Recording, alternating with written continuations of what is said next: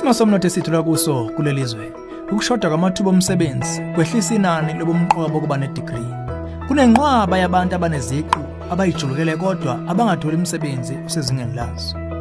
Ngakuba lesimo sesikhathi sehlisa ukushisekela ukuzuza iziqu eziphakeme. Sithanda ukubeka ukubuka kwethu ezizathwini zokulubekela imfundo ephakeme khona la ohlelweni ezomndeni. Hlala nathi.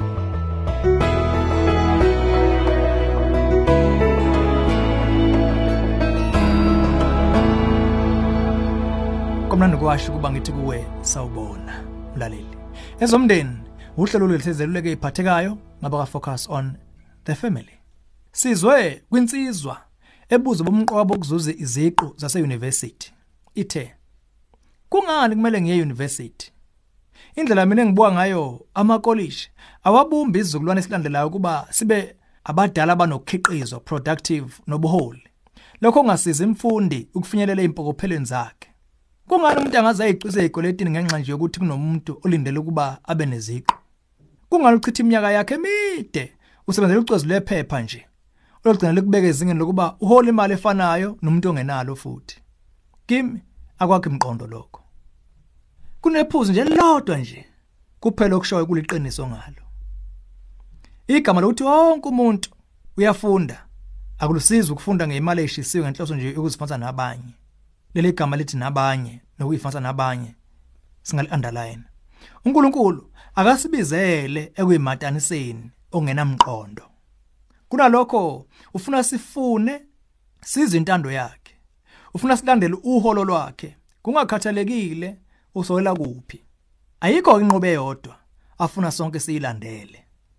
Ukubeka ngamanye amazwi iuniversity ayidingakele kuwo wonke umuntu. Inobuhle nongabe kuhle futhi. Okusemqoka kuncike kuyimpokophelo zakho empilweni nohloso ukwenza kwabanye into engenakuphikwa ephoqwayo kumbe ephoqayo njengomuntu ofuna ukuba abe udokotela abameli othisha ama laboratory technicians osotheology njalo njalo. Bese kuthi kwabanye abahlosi kuba omakhenika carpenters abalimi amaphoyisa imfundo yeuniversity into engesemqoka kakhulu kubona.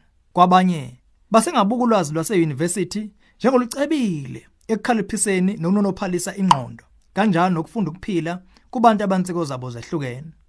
Udinga ukuzazi ukuba uwela kuphi lezi zinhla phambi kokuba unqomo ukuthi uyayidinga imfundo yase-university noma cha nguwe kuphela ongenza leso sinqumo. Sikhuleka ukwenza lokhu ngomkhuleko onqala nenhliziyo enentshisekelo ukukhonza inkosi.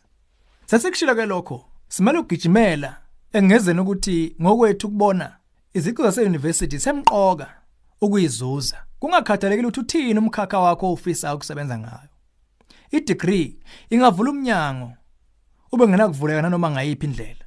Kokunye umqashi ukubuka njengomuntu oyimiselayo nosebenza kanzima.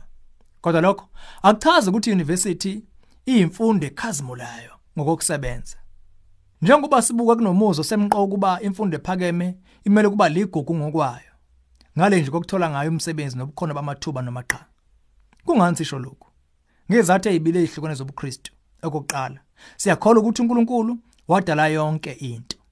Ngenxa ke yalokho siyakholwa ukuthi naluphi na ulwazi luyengeza olwazini lwethu lokwazi yena.